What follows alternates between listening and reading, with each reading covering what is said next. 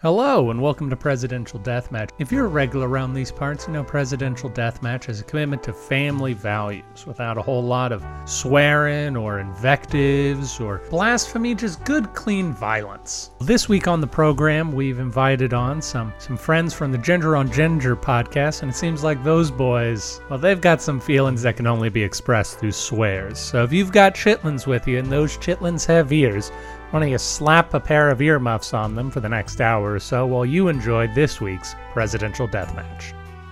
And here's the thing: you, you if you spend all your time in one state, guess what? The other states aren't going to vote for you, dum dum. Still, you got to diversify. They're not that far apart. It's not like you have to travel that far.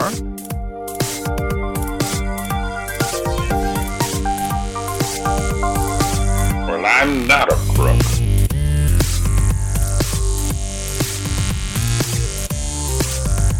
But because they are hard. Welcome to Presidential Deathmatch, the only presidential debates that matter. On today's program, Gingers on shared underwear, Dennis writes a bloodbath, and Calvin Coolidge can play a government official. Dennis and I debate which presidential duo will make the best comedy team. We will be using a Clinton Dole style debate, which means that Dennis and I are open to any foreign contributions any country wants to give us in any amount for any reason. Jacob and Alex of the Ginger on Ginger podcast join us today. All that and more on today's Presidential Deathmatch. An anecdote I was learning a little bit about pre American American history. Yeah? Um, and I was trying to track down because I know that it's the lore in my family that we were in Salem at the time of the witch trials. I found the the, the connection. So my like mother's father is a Flint, and then the Flint line. So you follow that all the way up. So his you know father, father, father was this guy Jabez Flint uh, who fought in Valley Forge, um, and then settled New- upstate New York and. That place is a, was was in our family for like ten generations or something nuts. So that's where my grandfather was born too. So that's cool. So there's a lot, big chunk of history there. But then Jabez, his father's father, was cousins with the Putnams from the Crucible. Oh, wow. So it's close connection. Oh, very cool, man. But Dennis, we are going to be joined by some new friends in a little bit, Jacob and Alex, and we'll discuss them more when we get there. But before we do, today we're going to have a debate on which pair of presidents would make the best comedy duo. And to set the stage a little bit, can you give us like 30 seconds about each of your presidents that you've chosen for today? Yeah. So it's still only choosing from our party. So this is really choosing two out of not that many. And I, I went with uh, with Rutherford B. Hayes. Nice. Hilarious. hilarious. And he so he was the end of the Reconstruction era, so a few presidents after it was Andrew Johnson, Grant, and then him um, after Lincoln. And he's kind of he's known for that, but and while he ended Reconstruction, so pulled troops out of the South and stuff like that, um, he was very pro civil rights and generally just very pro um, equality and stuff like that, especially for the time. And then Taft is he was after Teddy Roosevelt, so early 1900s. He's my second guy for my comedy duo. Um, he's known for being a trust buster. Um, I'm gonna bust me uh, trust. the beginning of the conservative versus progressive Republicans thing as well. So that's Taft. Uh, so, Dennis, you have chosen the formidable uh, duo of Hayes and Taft. I am going with Coolidge and Truman for today's Ah. bout. So, Calvin Coolidge was our only president born in Vermont. Actually, that's not true. Chester Arthur was also born in Vermont, so forget I said that. But uh, Calvin Coolidge was president during the 20s, ascended to the presidency on the death of Warren G. Harding, was known for playing a lot of practical jokes and generally having a very laissez faire attitude towards economics and then Harry Truman, who was president at the tail end of World War II and the whole of the Korean War. So he got two wars in there, which is pretty exciting for old, old Harry S. Harry was kind of a stoic figure who didn't fit in with the Washington establishment because he came from a very poor background and a lot of people looked down on him because of that. So it's nice to know that things haven't changed. That's a solid duo. Yeah, yeah, yeah, I'm excited. I'm excited for today. Dennis, we we have uh, we have a couple of polls still out. I'm I'm afraid to say that the poll for who is going to replace Benjamin Harrison is still too close to call. Tied election as far as we can tell. So we're we're keeping that open until we get a deciding my vote in. So if someone goes and finds that poll, you can choose whether Charles Evans Hughes or Samuel P. Chase will be the 23rd president of the United States. Remember, it's the most important election of your life, voting in this one. Two weeks ago, we spoke to Finnegan Krookemeyer about being a playwright for young audiences, and the results are definitively in for that. Grover Cleveland took it took it uh, unanimously. One of the few presidents to win a unanimous vote, Grover Cleveland, for the beer and lemonade party. He notches, Oh. I believe, our first full victory. I don't know if we had one earlier in the season. then last week, of course, we spoke to Riley Smith about being a social media manager. Currently, John Kennedy is in the lead, but it's a very narrow lead and it's a very tight contest right now. That poll will remain open for the next week. Oh man, get out there, fam! get out there and vote. Dennis, do you have any retractions from last week? I had one question, so maybe just a clarification. Right. And this might not be the most exciting, but I know that Jacob has a vested interest in niche economic history, just like Riley did. So the um, you had said that the value of the dollar during depreciation was increasing. No. So yeah. So Jacob uh, and Jacob uh, may or may not speak during this, but we were talking about the election of 1896 and how the Democrats adopted a silver platform. They wanted to switch to a silver-backed economy instead of gold-backed economy. And I was Yes, I just listened to this episode today. Oh, wonderful. Nice. Thank you. uh, I was also a fan wrote to me saying that he wished we went into more detail on this. So it's perhaps I kind of did too. I, I was very curious about it. Okay, well, I, I will explain everything that I know, and then if you have more questions, feel free to prod me along, and maybe we'll get to a place where people get sick of hearing about economics. I know that we feel like that'll never happen. Right, right. No, I actually honestly was impressed by just how casually intelligent you guys are. Like, oh, here's all these things we know about presidents and just normal conversation. So By you guys, he means you and Riley. I think. I mean, he must. 'cause- no, I get an irritating number of compliments, Dennis, where people are just, man, Dennis sounds so smart. Your podcast is great. Dennis sounds so smart all the time. You know, thank thank you. Oh, that's nice. I've never once gotten that to my face, so that's nice. To... Compliments are best done behind one's back. yeah. so essentially what happened is we were on a gold backed economy and we had been on a gold backed economy since i believe the 70s 1870s gold is a fixed amount. It is based on the amount of gold that the united states physically holds. Uh, like whenever you hear bugs bunny or whomever saying that they want to go raid fort knox it's because that's where the united states held its gold and if the United States ever lost its gold, then it could not back its own money supply. We no longer have a hard backed money supply, which means that the yeah, which means that our uh, the amount of money that's in circulation no longer Right. actually correlates one to one with anything, which is why some people embrace modern monetary theory, which is uh, in general a terrible idea for a lot of reasons. But we're not going to get into current economic problems. We're going to stay with late 1800s economic problems. So gold was a fixed amount, and we were in a recession, and that meant that the dollar we were in a period of deflation.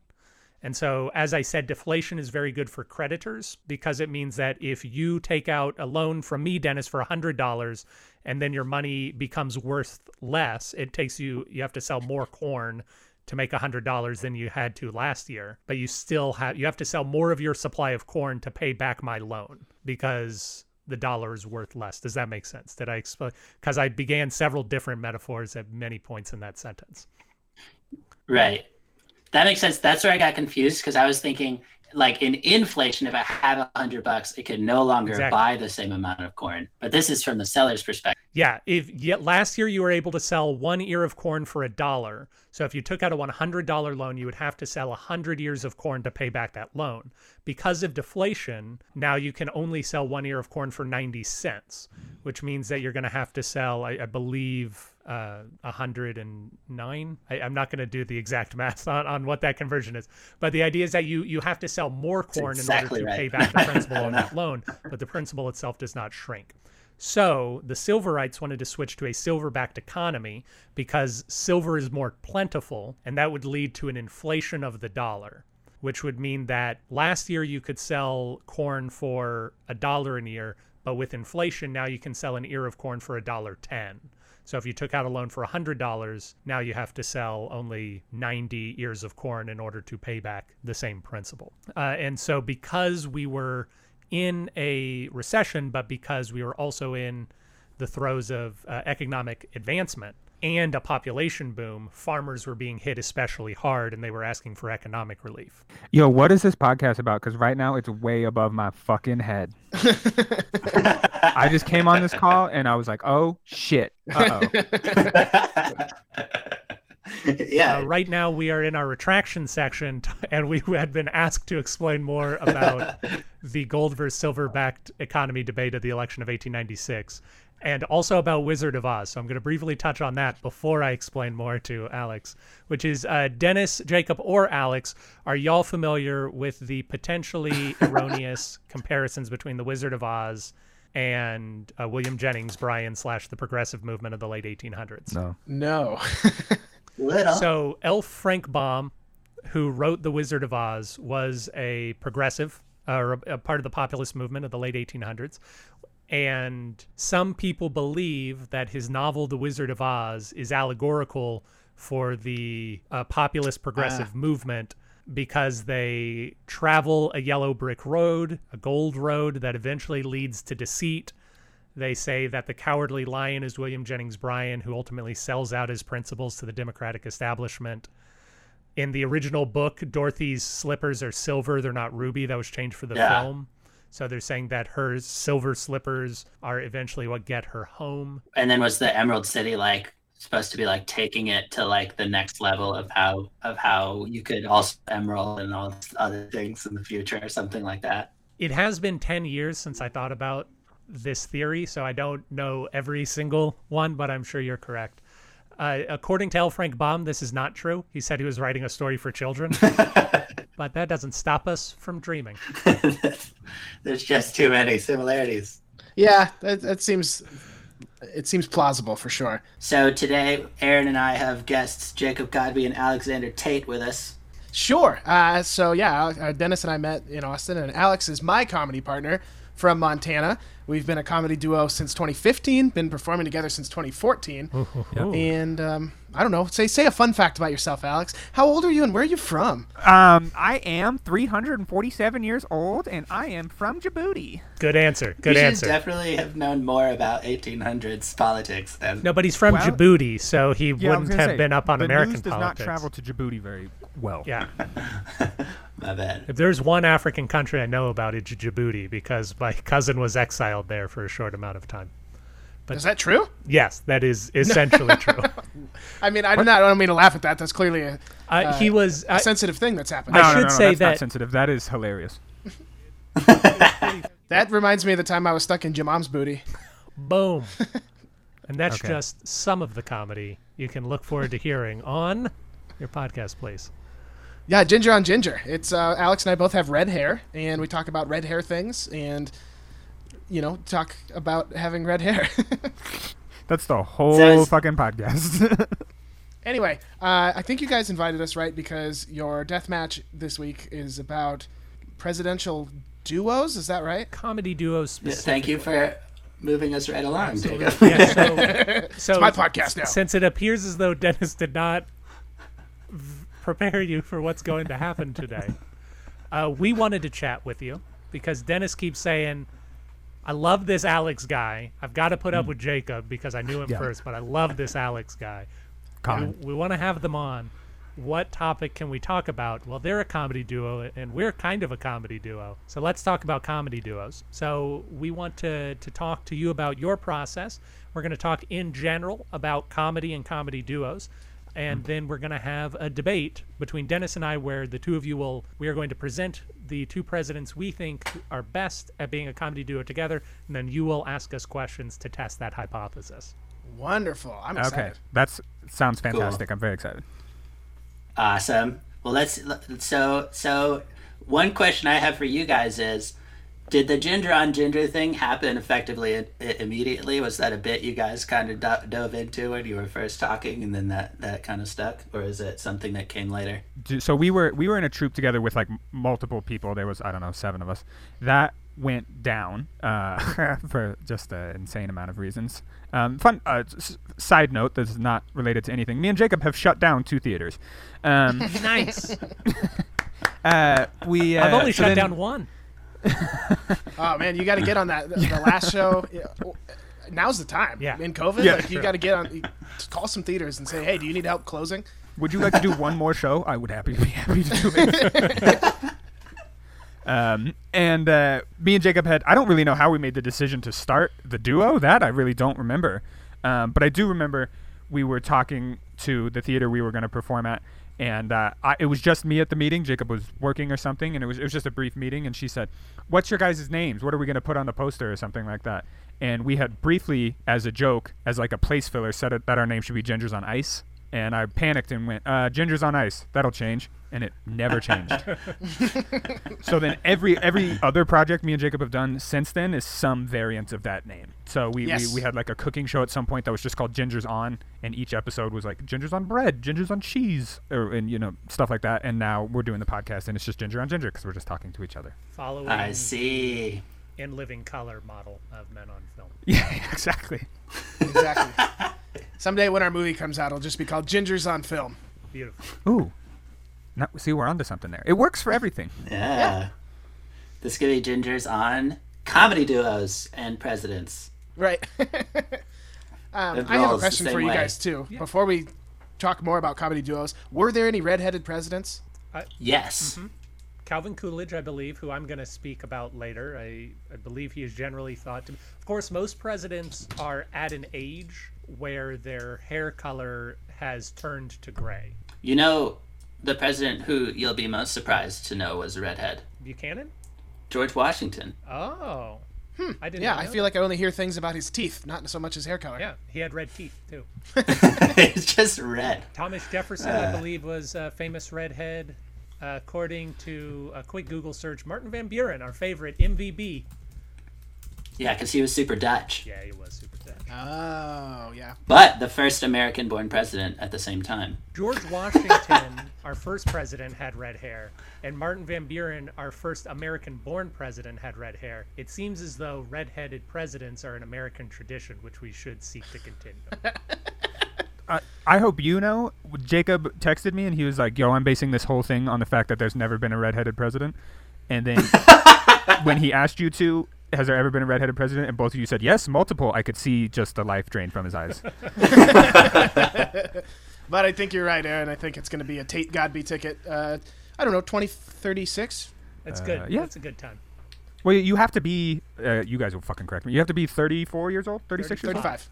Very close. Okay. if you average the two numbers that you threw out, which were only two years apart from each other. Perfect. Um, but yeah, comedy do it's important to trust the other one, especially on stage. And Alex and I do. Like he's gotten me out of so many jams.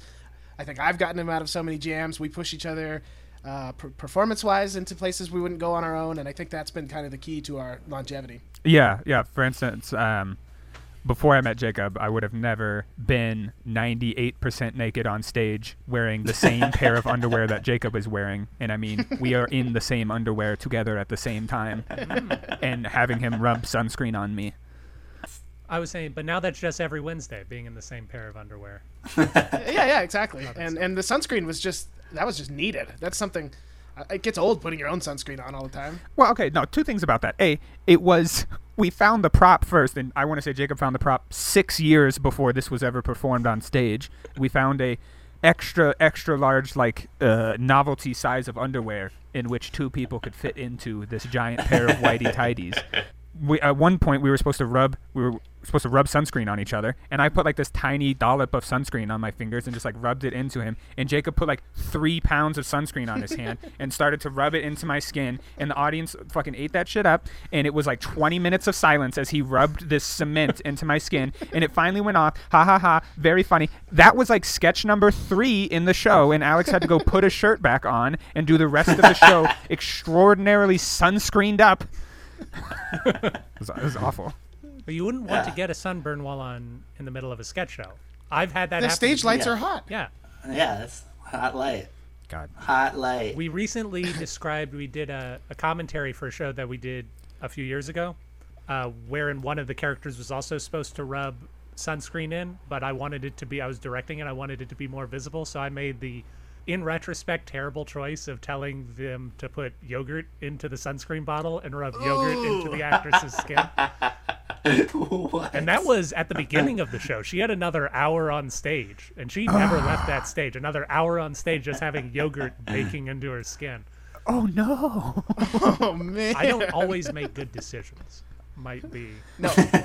I mean, neither do Alex and I. One time we did a sketch. I was like a military uh, guy, you know, doing a presentation at a high school. Like, here's why you should join the army.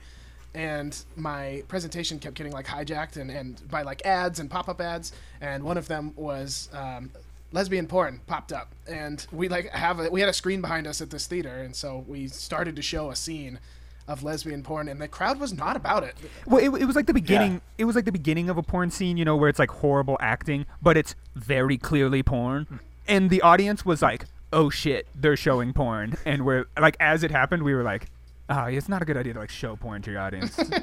yeah. Is yeah. this one of the theaters you shut down? No, this, one's still open. yeah, Thank this God. one's still open. As a comedy duo, you make each other stronger. Presumably, you do that by not just being someone that you can trust, but also being someone you can criticize. I'm going to go out on a limb and say, like, the two of you can disagree and build stronger from there. Definitely. I think I think we are some of the harshest on ourselves. That, you know, we are very critical of sketches that we would put on stage or improv games or anything we put out. I think we're pretty critical about whether or not it's going to be good and whether or not it's going to be bad. And I don't think we have any qualms saying that to each other. If, you know, you wrote a sketch and it's not good, we'll be like, that's not good. Yeah, yeah, no, I, I agree with that. I think Alex specifically reins me back from the line. Not just basically when I push the boundaries of good taste. He's got some sort of charm where Alex can say literally anything. He could say the worst sentence you can possibly imagine, and the audience would stay on his side. I do not have that gift, and so he walks me back when I get close to there. You know? We've got an Andrew in our circle who has a very similar ability. Yeah, I don't get it, and, but I'm glad that he has it because it's it's allowed us to explore some unique uh, subjects, especially in Montana. You know, we we have been performing to a very like blue collar audience, and in fact, it was difficult when I left Montana to go to Los Angeles and have an audience of just comedians. Um, it was almost easier to perform to you know quote unquote regular people. Right, because they don't sit there with their Totally. arms crossed, say, "Oh, you think you're funny? You think you're funnier than me?" Right, they come ready to laugh in Montana. Yeah, I think I've always felt like you know it, it's probably a reason that Chicago is the is the place that ends up being the comedy you know capital and, and Toronto and like and the coasts came to follow and because it's got a more working class tone to it. Um, and people might be just ready to laugh there and they and they want people doing comedy to be the people doing comedy not to be worse than them watching. And then that kind of gave them that traction early on maybe to actually get to a place where where uh, where they were teaching the rest of the country how to do it. But i don't know. Theories? Yep. so favorite comedy duos? Uh, I would say we both love Key and Peele, and in fact, Yeah. you know, in the before times in like 2015, we would say that we're we are the uh, we're we're like Key and Peele, but we're twice as white and half as funny. Yeah. yeah I, I also uh, personally love like Matt Stone and Trey Parker. I know they're not in front of the camera, but they work really well together and they've been working well together for years and years and years. So, Yeah, that's a good one. Yeah. I like that. and who are then the, i don't know those South Park. Matt The Stone South and Park Trey guys. Parker. Yeah, it's a. South oh Park. sure sure sure sure they're amazing guys that is a good choice for sure yeah thinking of let not on the performer side but do, do they perform at all or they're just writers Oh, they performed. They're Um, both voices on South Park. They performed voices. They were also actors in basketball. Basketball. Yeah. Uh, Basketball, of course, featured the second best band of all time, Reel Big Fish, in a prominent role. So that's why basketball is who's close won? to my heart. Who's first in your heart? Is it another ska band? Is it Streetlight It's Manifesto? not Streetlight Manifesto. It is uh, Barenaked Ladies. Barenaked Ladies, best Oh, band okay. of all time. I I'm a fan of just a lot of uh, you know movie duo pairings. I thought Jonah Hill and Channing Tatum worked really well together in the Jump Street reboots. Um, you kind of can put Seth Rogen with a lot of people and he works great. Obviously, Will Ferrell and John C. Reilly in Talladega Nights, Tina Fey and Amy Poehler in Baby Mama and Sisters. A duo is just a classic. Uh, you know, you have you know, for lack of a better term, we, we need to fix the term straight man. Like comedians need to get together and decide another term for it. Um, and then you have the the wild one, and Alex and I kind of just take turns either or. I know that Dennis and Yeah. I have in the past been very critical of the idea of a, a straight man and a wacky performer as the cornerstone of a, of a duo, but y'all find that that works quite well for y'all. Well, we do a lot of like peas in a pod sketch where we're both wacky. Yeah. Yeah, So Exactly. Yeah. Yeah. That's that's our jam. it's almost more fun that way. And and Dennis, I mean, has has said this about some of my sketches where they exist in a different place. There, there's no like audience uh, surrogate. It's just a completely different universe. And in fact, we did a sketch one time about um, Scooby Doo gets hit by a car, and so they hire a character actor to replace Scooby Doo. Yeah. But they're filming the live action animated show, and so it, it's bizarre. And there's no nobody steps in and they're like, "Wait a minute, this doesn't make sense." So we just we just expect our audience to join us there, you know. So you guys, even at the even at the start, you feel like you kind of both could end up being the uh, just in, in your in your in your textbook improv scene. You jump out, and one of you ends up being crazy. It could have been either of you. yeah. I think I before I met Jacob, I had never done improv in my entire life, and when we, uh, in order to like audition for the troupe that we were supposed to go into or whatever, you had to pay $150 to do an improv class. Um, which kind of sounds like a scam. Yeah, but uh, I did it anyway, scam. and I, I took the class, and the only thing I took from the class was just like never say no on stage. And I was like, okay, I'll just never ever say no on stage. I'll just say yes all the time. So Jacob would just present some whack ass thing, and I'd be like, yeah, Okay, but you're the one the uh, the first scene where our, our sensibilities kind of gelled, and I remember this scene. Uh, it was because of Alex. I, I want to Oh say yeah, that yeah, I mean that's yeah. I remember. I want to This say is he all was like me.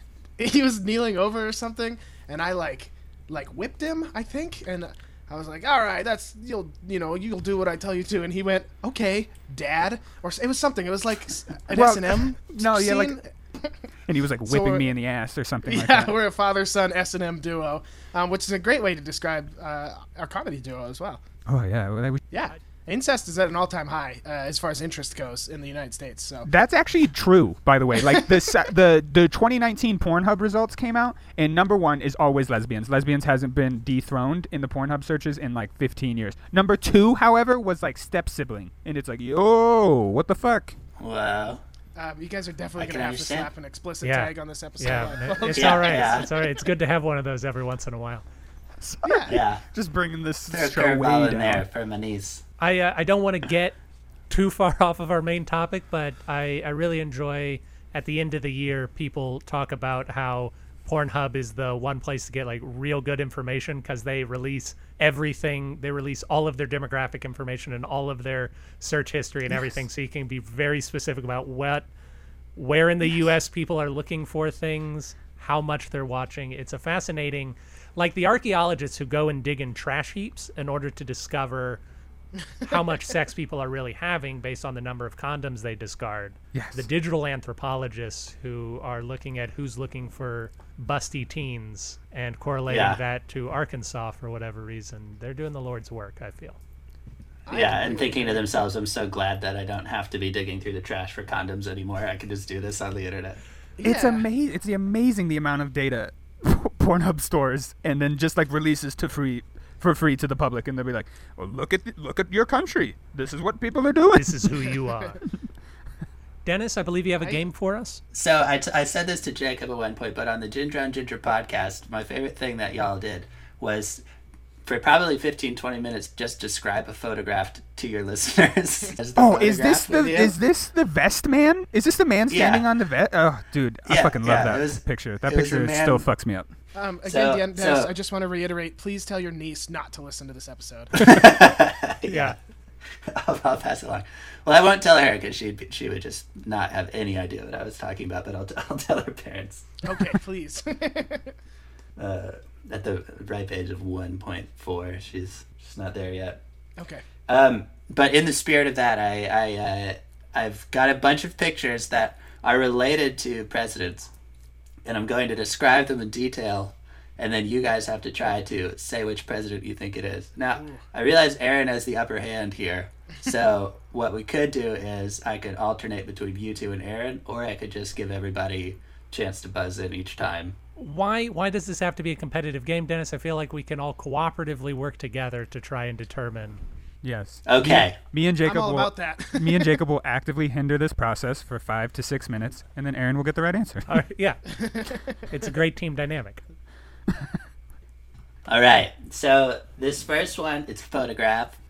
Makes sense. and we've got a, uh, a, a seems to be an aluminum or, or metallic unpainted construction of some kind It's probably ten feet tall. Okay. Big. And yeah, yeah, and it's actually got uh, a little window on the front, and there's three people in the window, and then it's like bolted all around the frame, and there's a little presidential seal underneath the window.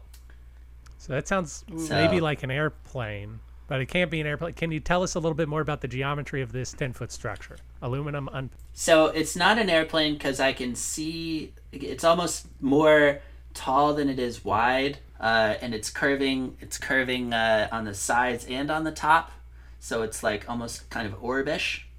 And then there's a there's actually a microphone attached on the outside of it as well, and there's a a, a man in a suit, and he's laughing uproariously uh, out uh, next to the microphone on the outside of the little of the little window, and the men in the little window are laughing as well, and they're all wearing blue onesies. So it's Aaron, yeah. so it's in Who's color. a president that laughs?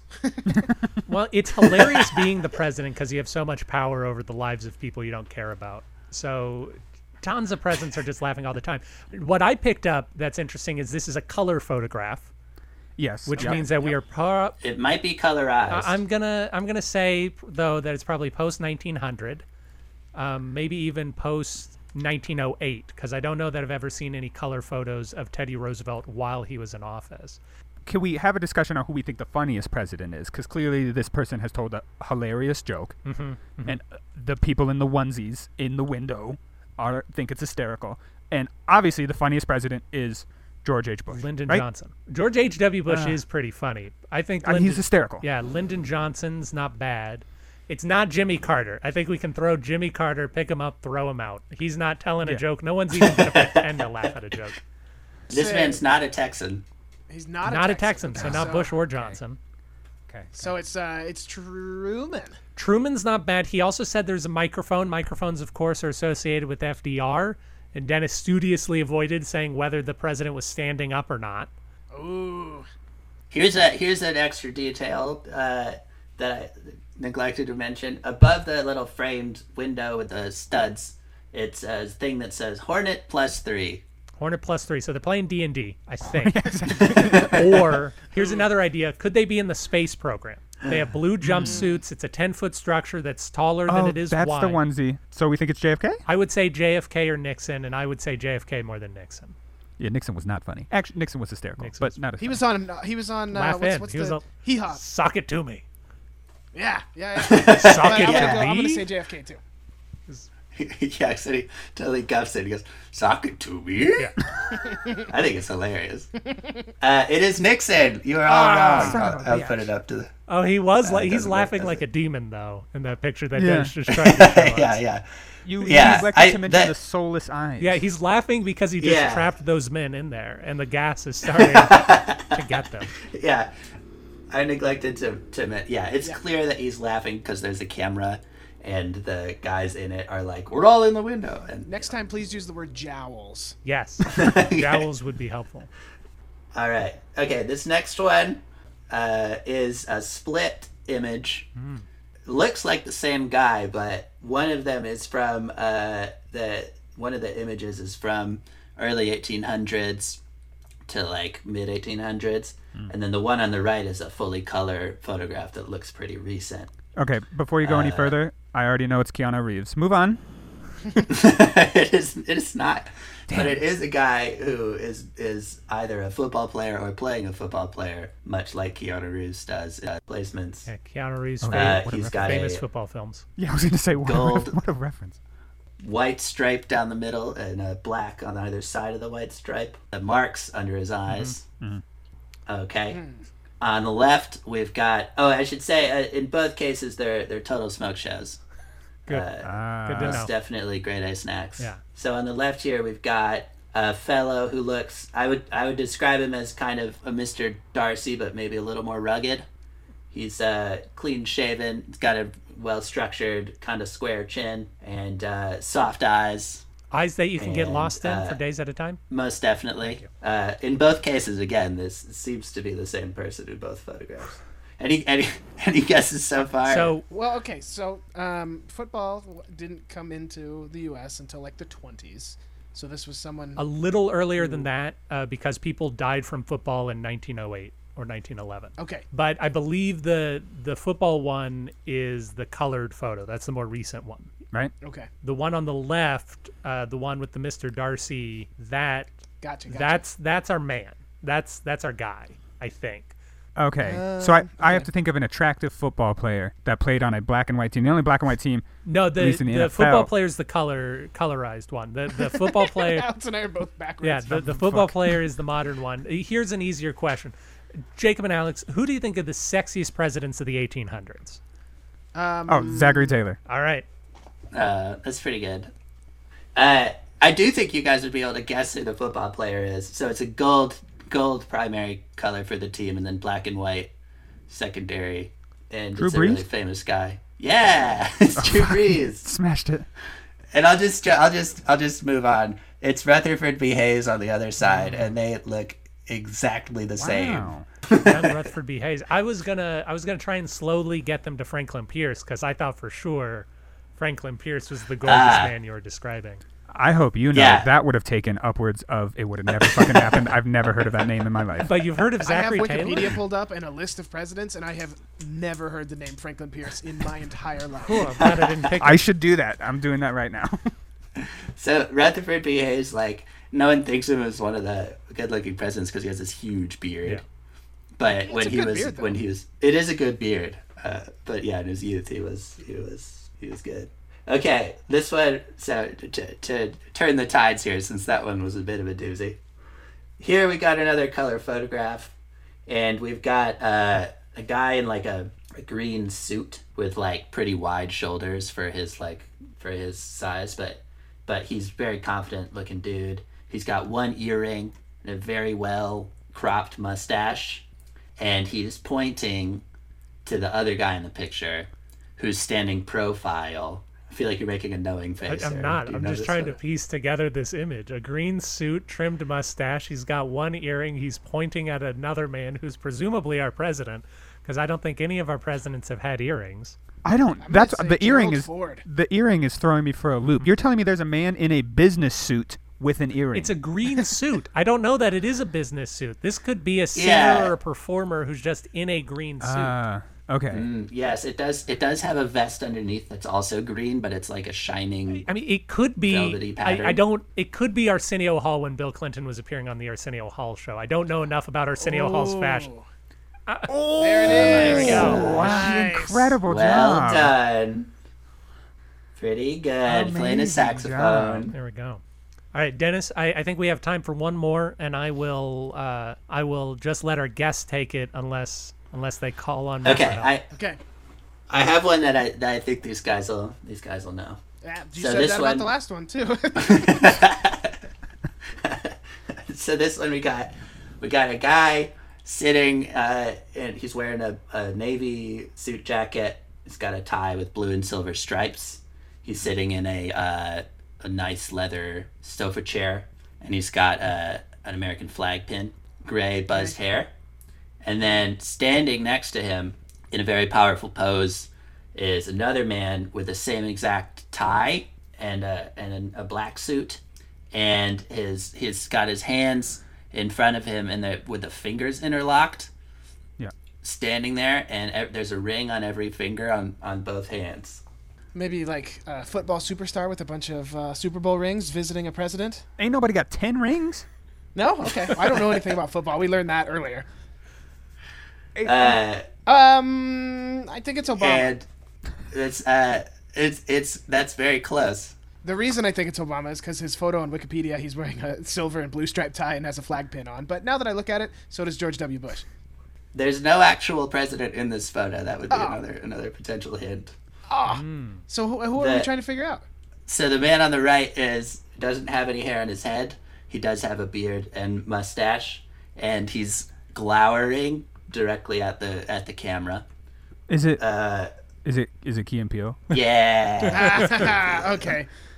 Okay, it's Luther, the anger You're right there. yeah, it's Luther. It was Obama. Is the yeah, it was the exact suit that you were looking at, probably, which is what they based it off of. I did cheat a little bit, but uh, as we learned, I didn't know Franklin Pierce was a president, so I definitely needed Wikipedia on this one.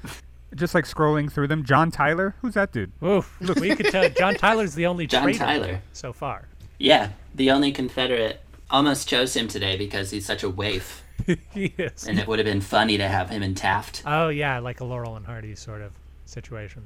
That's Yeah. that's Yeah. exactly what I was noticing. That dude looks like he was about 95 pounds wet.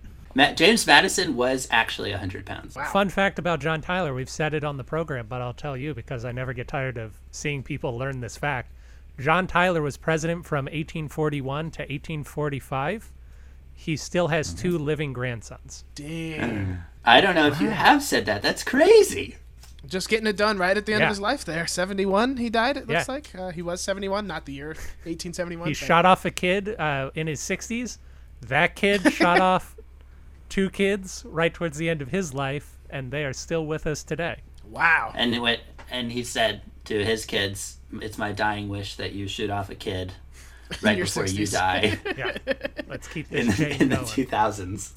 Well, everybody, we are going to take a very short break, and when we come back, Dennis and I are going to debate which presidential duo would make the best comedy team. Don't go away. Speak softly. Welcome back. During the break, we discussed Ghost Town whistling. It was very delightful. We are about to debate which presidential team would make the best comedy duo with guest moderator with guest moderators Jacob and Alex. I have chosen for my team Harry S. Truman and Calvin Coolidge, and Dennis has chosen. William Howard Taft and Rutherford Birchard Hayes. That is true. And my time begins now. Now, of course, the beer and lemonade party is going to have a little bit of um, of a downside when it comes to a comedy duo because we're a very austere party. Like we're full of big characters like Lyndon Johnson, but uh, but but we like policy stuff. But that's not to say that we can't cut it up a little or we can't be funny like a Tommy Lee Jones in a Men in Black. And I think you're going to find that Calvin Coolidge and Harry Truman have the right mix of kind of stodgy uptightness with just a little bit of comic aloofness that uh, that you're not that you'd be surprised to find in them. Calvin Coolidge, of course, well documented prankster. He used to ring all of the bells for servants in the White House and then hide under his desk so that all of the servants would run into his office and then he was hidden and then they would just be like what happened and why is this going on? And he would laugh quietly to himself.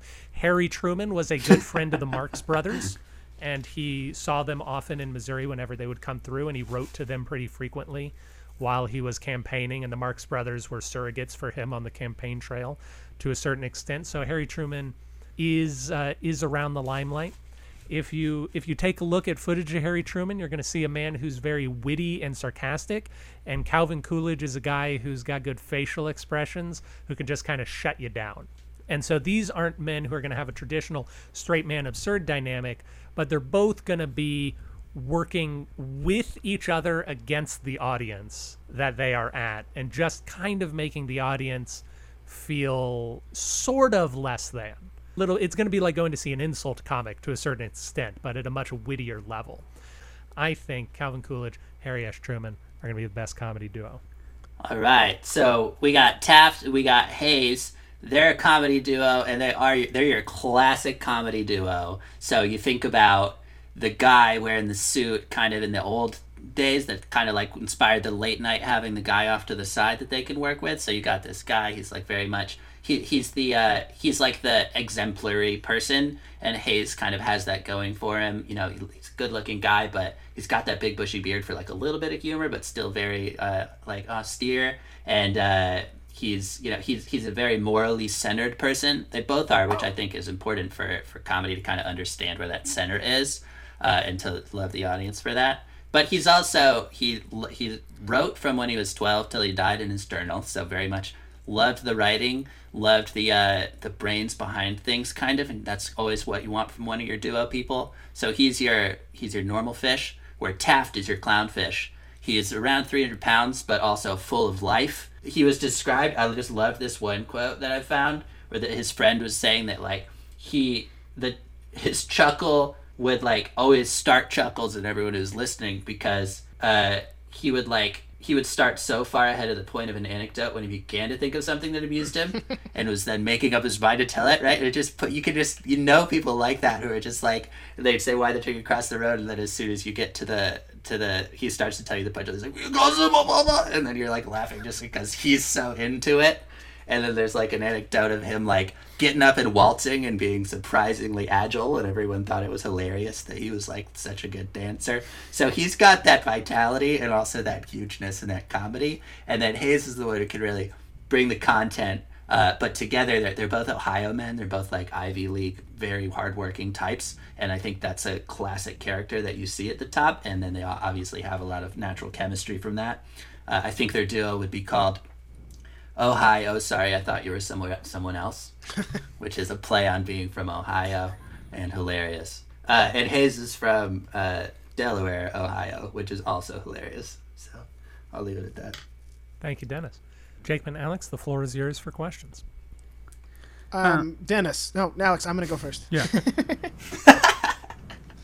I, I didn't know you were gonna concede that easily. Um, Dennis, do you think that Taft and Hayes are kind of a one to one of a more modern comedy duo, such as uh, in Tommy Boy, Chris Farley, and David Spade. I think that's a great example. I think that there's a timelessness to the comedy duo, especially like two guys like that. Um, like like how like how different really are like Abbott and Costello and David Spade and Chris Farley and what makes them funny in those two instances. You got the kind of deadpan, grounded individual on one hand who's like getting annoyed and funny when he gets annoyed. And then you've got this other one who's boundless, high energy, like ball of fun.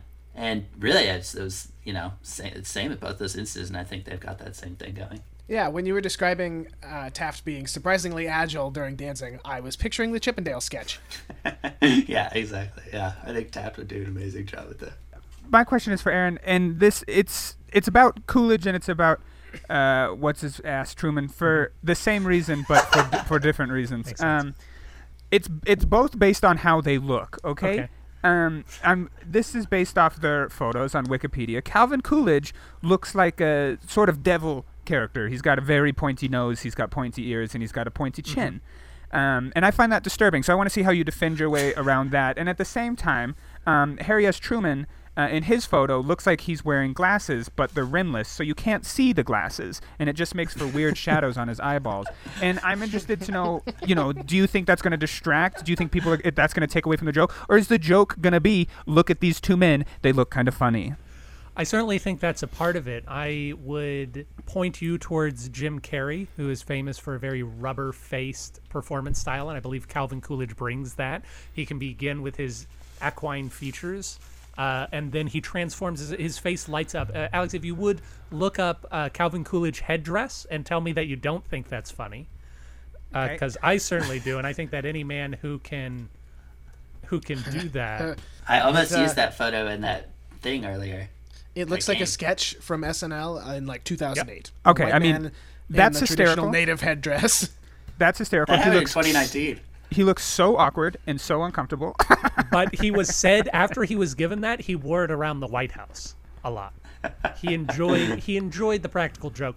For for Harry Truman, I think that glasses are part of costuming. Costuming can change. His glasses can be whatever they need to be in for the sketch in question.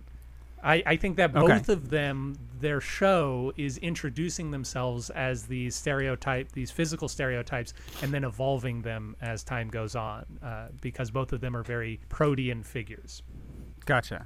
Yeah, Aaron, when you were describing them, I got a lot of. I don't know if you and Dennis are familiar with the Smothers Brothers. Uh, Dick and Tom Smothers. They had a a variety show on NBC during the Vietnam War era, and they were famous for charming the hearts of Middle America and also slipping in tons of progressive Yeah. agenda.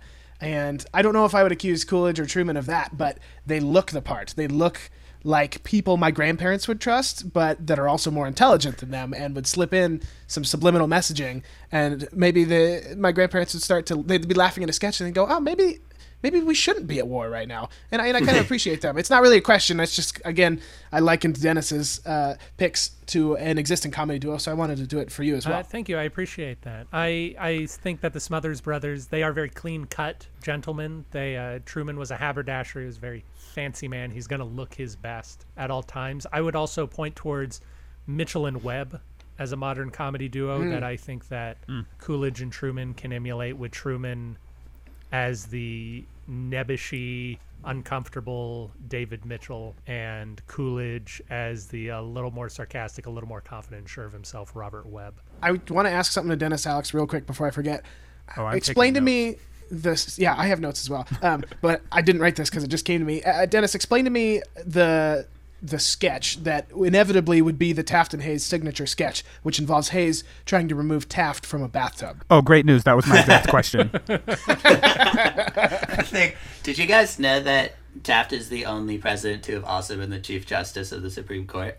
Not as funny I as getting stuck in a bathtub.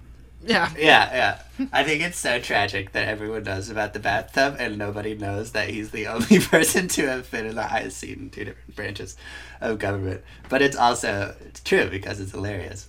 Uh, so so I also wanted to work in Ohio. Sorry, I thought you were someone else. So Taft is stuck in a bathtub, right?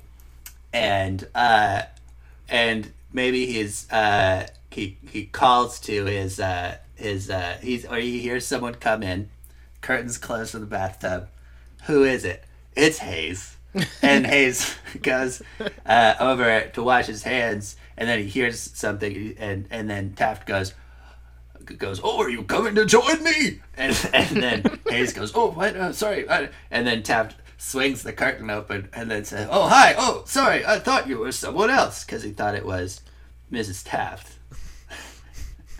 Oh man, he's in it now. and so then Hayes is like, "Oh no." Shield my eyes. Sorry, Mr. President. I thought the bathroom was empty. I was here to wash my hands. And so he goes to leave. Then he slips, and then and then he hits his head.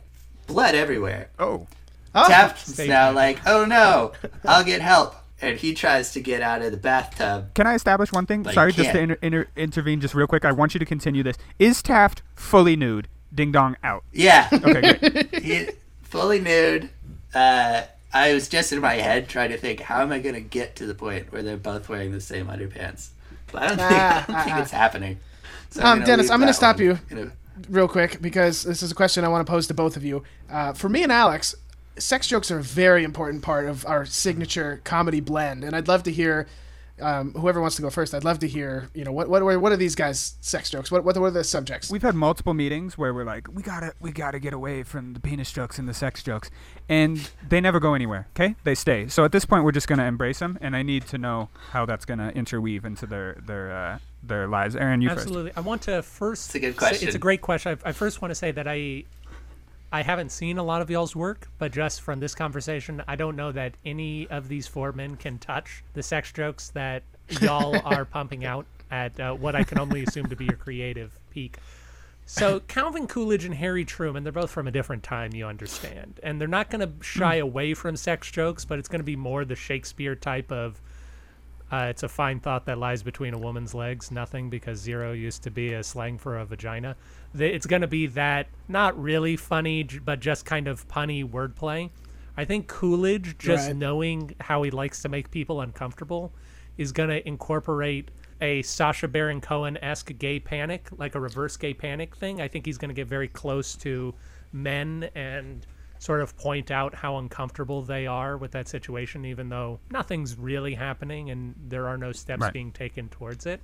And then Harry Truman is probably not going to understand a lot of uh, those sex jokes, but he's going to be the one making all of the the puns and just uh, like pointing out into the audience and finding ways to turn audience things that he solicits from the audience into more sexual suggestions. He's he's going to be more the sexual wordplay man. Gotcha. So the in, the innuendo yeah, boy. Harry Truman innuendo boy. Okay. Dennis. Truman is. I shouldn't. I shouldn't speak in support of Aaron, but you should know that Truman is hilarious. He roasted all the other presidents, and so he comes up in most podcasts because we talk about his latest roast of like one of the of one of the other presidents. So uh, I think just jumping back into our bathtub scene here. So, so, so Hayes bleeding on the floor. This is where we left off. Taft trying to get out of the bathtub. I'm trying, sorry, trying to think how to work in because I wanted to dive in the same scene, start putting in penis jokes. Something with Taft being decent despite being naked because he has enough to kind of shield anything that's inappropriate. Oh, so so to, to like Sacha Baron Cohen in Borat with his when him and his uh, assistant Yeah. get naked. There's there's enough to really shield a lot of the nudity. Yeah, exactly. Okay. So that's what we going on. We got going on there. I don't know how that comes into play though. I think what you're saying is that the sex jokes are going to be highly physical from William Taft and Rutherford B. Hayes. It's going to be more of a slowly undressing as clothes get ripped off of people. I think Taft would also be able to do a lot of like different time sexually aggressive jokes because people would just find it humorous if he was like really coming on to people in ways that are extremely inappropriate. Because they wouldn't it's find him threatening. Exactly, he's a very unthreatening person. Yeah. Hayes can't He's pull that physically same kind stuck of in a thing. bathtub currently, so what, what is he going to do? Right. Oh, now so Yeah. there's a spin on the bathtub sketch. You know, all of his, uh, all the White House maids are walking by. He's stuck in a bathtub, and he's like, you know, Yeah. hey, you go get some butter, get me over here, get me unstuck. I'll show you what I'm working with. And they just go, you're stuck in a bathtub. And yeah, can you please stop making jokes? Oh, you're making me laugh. I'm trying to bandage poor Rutherford's head. Yeah. Blood everywhere. I'm, Blood I'm stuck here. on the the direction you've chosen to take this with him hitting his head. Um, I don't know if I follow. I'm sorry, Dennis. No, just imagine how much. Sorry, good, I'm going 'cause- to bad for Dennis on this one. Just imagine gushing blood filling a stage, it's, and then him slipping in his own blood. Like it's very funny. And and while that's happening, Taft chuckling and and making inappropriate comments about everyone who's trying to help him from bleeding to death. It sounds chaotic. I'll be honest with you. Yeah. He doesn't. Which he's I'm- not even trying to get out of the bathtub anymore. He's just kind of. He's just sipping on a margarita, and Wallowing. Yeah. yeah. Those were softballs. I'm going to sort of. I have two questions for both of you. I'm going to kind of pick at you. I'll start with Aaron. Truman's first uh, first bout. That's what I was going to say. first first term, whether that's because of the FDR shenanigans before him or whatever, didn't have a VP. And this this is a major knock against him. It, it shows that maybe he can't work in a partnership. You know, it shows maybe he's hard to get along with. Maybe he's funny by himself, but you know he needs to be able to get along with a partner in crime. That's true. That's true. I, I think that's uh, an excellent observation. Uh, it, Harry Truman is an irascible fellow. You're gonna find that, as Dennison, uh, as Dennis said, he roasted a lot of other presidents. I think what you're gonna find is Harry Truman's. He's not gonna be a cast member on SNL. He's not gonna be a member of a writing staff. But when he meets Calvin Coolidge, some magic happens, and the two old curmudgeons find a little joy in each other. Are y'all familiar with Martin, Dean Martin, and Jerry Lewis's partnership? Yeah. Mm-hmm. So it's sort of how Dean Martin and Jerry Lewis didn't really work with anybody else after that, after their partnership broke up. But when they were together, they were the best they ever were. Okay, that was that was a good response. And then, now, Dennis, now this is this is about Taft, but we'll move on for the from the bathtub. You had mentioned in your um, original uh, argument that Taft was was jovial, could could make a room of people laugh and giggle because he was arriving at the punchline already laughing hysterically. Um, I would argue while that that makes a dinner table happy, it doesn't make an audience of people happy. You have to be able to get a punchline out without laughing at your own joke. How how do you defend Taft? Yeah, we don't want a Jimmy Fallon here. Yeah, exactly. Exactly. That's what I'm worried about. That's what I'm worried about with Taft is that he's too jovial and too buddy buddy with everybody, and you know, sooner or later I need some punchlines. Uh, I, I think it's an interesting. I think it depends on yeah how you kind of like trans like not translate, but like how you take that quote. Because like I do think on the other hand that there is something about having a conversation with the audience that's just so essential, especially for live stuff. Uh, so Fallon on TV, he comes off as someone who's just you know laughing at stuff before you are, but for the people in the in the audience, they're live. That might be the energy that he's giving them that's really creating this conversation that's working really well. So it might be that he's prioritizing that. Although I know he's he is so known for breaking constantly, even in the SNL days and stuff, and kind of being on that level. Uh, but it's creating that kind of tone of joy that he's going for. Also, because he's not always working with the best jokes on that show. when they're opening, it might be in his best interest just to kind of create it. Taft, I think, on the one hand, you could think of it like that, but like you said, it's probably the right thing for the room in that moment. Um, and I think that what it speaks to is an ability to understand kind of like how to get the audience onto that same page with you. Or uh, it's like, yeah, it's just so important to get them into this place where like you've cued them and they don't even know that you have, kind of, which is a really interesting thing. It's like uh, where you like they they know that you're about to give this punchline, like they they could see the ball in the air. Uh, because if you don't do that, you're not creating an expectation, and then you have no chance of exceeding it. So I do think it's in another way speaks to his ability to actually kind of uh, read a room like that and actually it, it speaks to an ability to actually be a comedian. I think, um, and maybe another instance of a time when he wasn't doing that per se, but the the whole the idea of the seventh inning stretch and the president pitching uh, at baseball games and stuff that started with him and uh, he like stood up and then everyone stood up and that became like very much a thing and everyone clapped and stuff and he really got people going in that instance as well so i think it shows uh, not a comic thing but another time when he was just aware of an audience and wanted to create a dynamic with them Wonderful. Alex, do you have anything else? I think that's all the questions I have. Um, eh, that's that's that's what my notes said. Well, thank you all very much. Uh, of course, if you vote for a third party, you're naturally throwing any chance at change away. But we do have the People's Party ticket. uh, this time around, they have decided to put up very curiously. They think their best comedy duo would be Gerald Ford and Andrew Johnson. Right. So we're going to spend a, a very brief amount of time, the four of us, imagining what a Gerald Ford, Andrew Johnson comedy duo might look like. Uh, I, I think Gerald Ford's a pretty good choice. We know he's good Yeah, at physical Gerald comedy. He's a charming guy. Uh, he's a very everyman. But Andrew Johnson, I mean, Dennis, you know more about Andrew Johnson than I do. Well, Andrew Johnson, I think the best analog, especially for Jacob and Alex here, is if you just think of Trump, but like a little different. So he was like, he was like a come from nothing guy from Tennessee, so he's different there. But he like just had a crowd of people in Tennessee who liked when he talked and laughed and stuff, and then he basically rode that into for political reasons. Lincoln felt like he had to have Johnson as his vice president, and then Jo- Lincoln got shot. Um, I don't know if you guys knew. Um, and so he ended up being president for a while. story of the day. I do actually think Andrew Johnson would be an okay choice If because you're he playing like in Tennessee, he- sure, but you know, I mean, could he could he command an audience like Trump could? There's something to be said for that, at least in some regard, uh, regardless of what stupid shit came out of his could mouth. Johnson The man- close a theater in Montana? I think is a good question for us to ask. Um, I do want to say that Andrew Johnson owned slaves, and that's not funny. Yeah, there's so much of that going on with him. That's he. I think he had like one slave. Uh, He purchased his first slave in 1843 named Dolly, who was 14 years if old you at the start time. to begin by Yeah. your sentence with "I think he only owned one slave." We're in a he just had I, one. I didn't say only.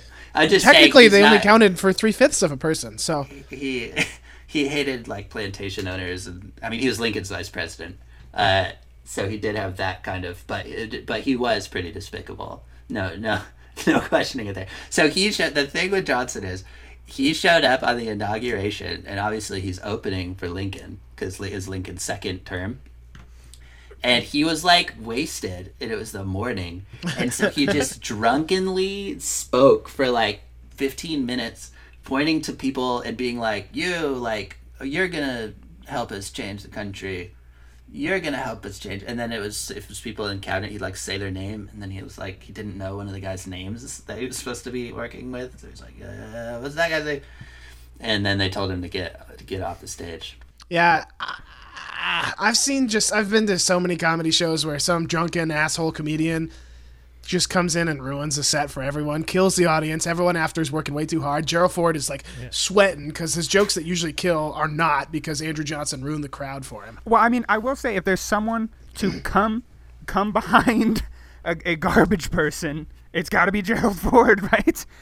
That's true. Gerald Ford can bat cleanup on a bad on a bad uh, set. Like that was his whole presidency was just like cleaning shit up. Hey, I'm not Nixon. Yeah, exactly.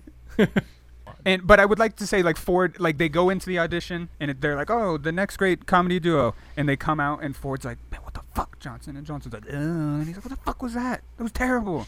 They were loving it. They were. Lo- I was reading the room. Don't. Boy, you just. I. I got to think. I've got. I've got Ford, I've got a feeling about this. I think we're okay. Damn it, that was none of what we we're rehearsed. If Andrew's listening right now, he's I'm sure painfully remembering times when I got way too drunk during college shows when the two of us would host things. That was Alex and I, me. I don't know if we've ever drunkenly performed. He he might have drunkenly performed a show, but I think the most I've ever done is like one or two beers before a show. No, ours. I've never drank before a show. I will tell you, Jacob, and I think you know this, but maybe you don't know this. And if my mom's listening, sorry. Our first ever Gingers on Ice show. Oh, I didn't know that. Not that that's what you can cut that from the podcast. I just think it's funny. I'll have to rewatch See. it. All right, I've heard enough. I'm ready to vote. yeah. Can All I throw out really quickly? I know it's not fair, but uh, Alex's question about working with other people, I just really quickly want to say Taft worked very closely with a guy in the government named Captain Butt. Dennis, if you can get Captain Butt on that stage, then I think. Yeah, if Captain Butt is opening for their Yeah. duo or something. But Captain Butt is not. He chose Hayes, not Captain Butt. Yeah. So I, I don't think it's admissible. Or evidence. if, tough. if Captain Butt is like the uh, the Questlove to to Taft's Jimmy Fallon. um, so I wanted to start my argument or my my reasoning. I'll, I'll go through each of yours. So for me, Taft and Hayes is a very interesting choice. What I worry about with Taft and Hayes is that they're they're very much a the straight man and the wacky man. It's I, I don't know if Hayes is funny. I don't know if Hayes is a on purpose funny person. If that makes sense. Hayes seems to be someone that is it is funny when he is uncomfortable. You know, um, that's what it seems like. And then Taft is or when he's bleeding. yeah, yeah, yeah. uncomfortable. He's uncomfortable, but he's not trying to be funny. He's just like saying, he's just like going along with his life. Where and then Taft um, is obviously this big character, uh, physically and uh, you know room filling wise. He's he's a big guy, and so I worry about their their sort of you know uh, th- that stereotype, and then I worry also about like the one hit wonderness of of the bathtub. You know, uh, of the. You know, name any famous character on SNL, and then that person gets yelled at to do that character every time they're on stage, and it's like, no, we got to move on. yeah, like, do the bathtub. Do the bathtub. yeah, like, do the bathtub again. It's funny. Do the bathtub. So I, I'm worried about that about them. Okay, that's for you. But it's hard to argue. You just told me he was very good friends with Captain Butt. That's pure comedy. And it's hard to argue that getting stuck in the bathtub is not straight up the single funniest thing that's ever happened in the White House. So, you know, you it's hard to argue with the hits. That's that. Um, Coolidge and Truman, I was uh, initially like, no way. Coolidge looks like a psychopath. Okay. Um, I was I was not on board. Honestly, listening to your arguments have changed changed it around quite a bit for me. I'm sort of worried about Truman in the way that I'm he's not going to stay relevant. He seems a little, you know, he's a very uh, who am I trying to think of? Uh, like Mel Mel Brooks sort of guy. Like he's just very old and he just comes in and zings people, and people are like, ah, it's, it's the old dude from way back. He used to be funny a long time ago. Now he just zings people. So that's what kind of my concern with Truman. Um, but I'll tell you what, and this is my pick. My pick is Coolidge and Truman, purely because of that headdress photo you showed me. That's hysterical. The fact that he walked around, he looked so uncomfortable in that photo, and then he walked around with it. That's great. I've been won over. My pick is Coolidge and Truman. Thank you for your vote. I will also say that if being the old guy that used to be funny and now just zings people gets me to the most Tony Awards of any production in history, I will Yeah, take yeah, for sure. I yeah, I, I think that this is an unfair boiling down, I think, of your argument, but one way to boil it down might be to say that you don't buy the stereotype of what has made every comedy duo successful historically. And I think that that is fair. Like, if you do think that is the right call, then maybe I do get a vote. But I think I'm- that you like that they have an original dynamic, and I I'm think just that's I'm fair. super concerned about the the peak the the the bathtub and then the inevitable oh they get a sequel uh, and then somehow they get a third movie and you're like wait what are we doing and it's like well the first one made so much goddamn money we should definitely make a two and three and it's like no we should not it's like we Yeah, should, yeah, we should kind have of just a- left it at one he get no? Zoolander Sort of two just Zoolander one Tommy Boy to Black Sheep, if you will. Um, Dennis, uh, I'm going to start with you. You said a lot of things that I liked. Obviously, I was able to one to one yours a little easier than I was Aaron. I'm like, ah, you know, classic Chris Farley, David Spade duo. Um, works well together.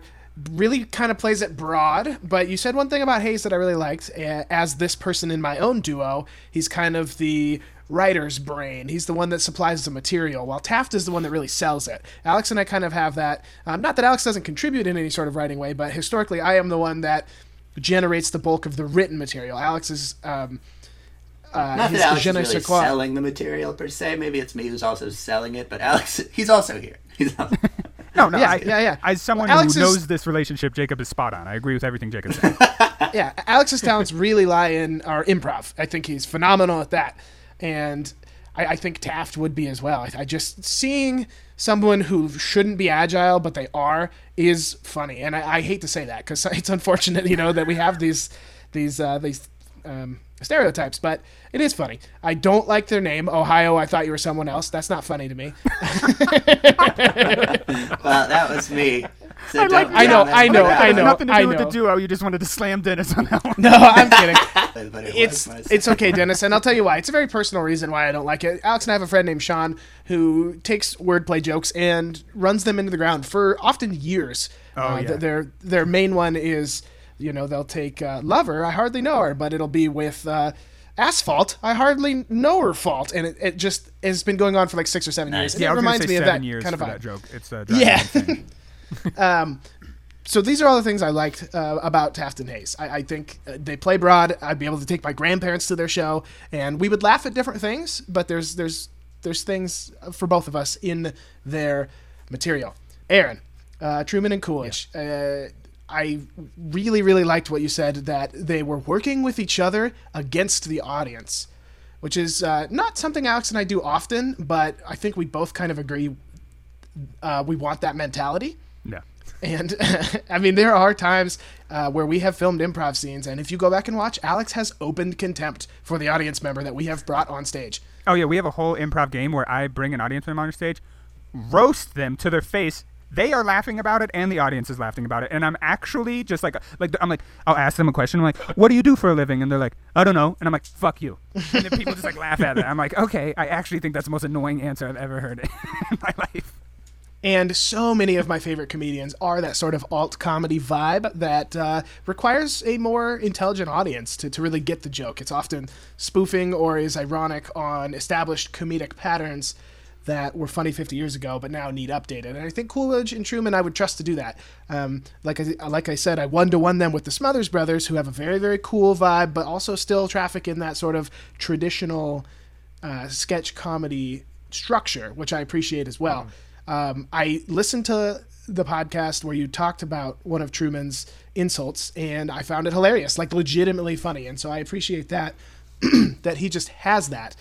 Uh, I disagree with Alex that Coolidge looks scary and like a devilish character. I think he just looks like a button-down good old boy, and he would make an excellent you know person in a sketch if you need a father if you need a bank teller if you need you know someone to play a government official coolidge is your guy he looks the part and i bet he would have a very like dry of again for lack of a better term like straight man wit so my vote goes to truman and coolidge Oh man, oh man. Can I sell normal fish, clown fish? I think it's a great alternative. Normal to But straight just man, hold funny on man. a moment. Let, let me let me end this segment and begin the next segment, and then we can do that.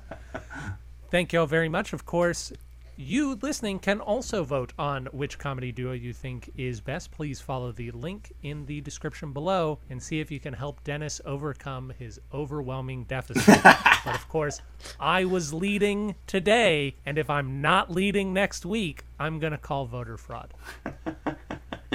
Dennis, what were you saying about normal fish, clownfish? I, I, that's what I use instead of straight man, funny man. So I'm just giving that to. All Oh, of you to I use. do. I do appreciate that. I actually wrote those in my notes. That uh, Taft was the clownfish and Hayes was the normal fish. Um, a clownfish is a real type of fish. A normal fish is not. Is there another fish that we could give like can we use a bass. proper fish's name? Yeah, Uh, yeah. Mackerel. like a salmon. That's like Yeah. a pretty standard fish. Or like a like a cod, Salmon's a pretty fancy fish. Salmon Portland Tilapia. Chase. A tilapia, And like a mahi mahi has a fun name, but a pretty boring looking, pretty boring fish. It's your classic mahi mahi duo. Gentlemen, where can thank you for joining us uh, on today's podcast. Uh, we're very excited to have you. It's my first time meeting you, but I thoroughly enjoyed our time together. Uh, where can people? I hated it. yeah, uh, yeah. Sorry, Aaron, that Dennis uh, brought us on here, but we appreciate you having us on. Sorry, we've made a mockery of your program. We hope it doesn't close. You never know. But you can find our podcast, Ginger on Ginger, anywhere that you listen to podcasts. You can follow us on Instagram, Facebook, all that good stuff. Um, thinking about making the leap to Parler. I'm kidding. Uh, we're not going to do that. I don't need another social media in my life. But yeah, Ginger on Ginger. You can also just Google Gingers on Ice and we'll pop up. And our cooking show is on delish.com and it's called Gingers On. Thank you so Yeah, much. thank you guys. Well, well, we will be very excited to see everybody again next week. Enjoy your lives for as long as you have them. Good night.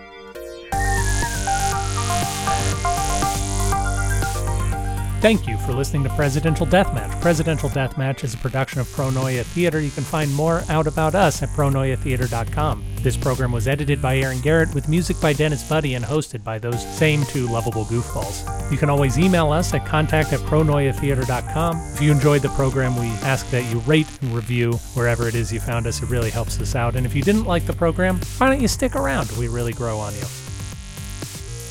That was crazy reading the other day. I don't remember who I was reading about, but like it was a long time before you could take a train from California to anywhere else in the country. It was like the 1900s or something.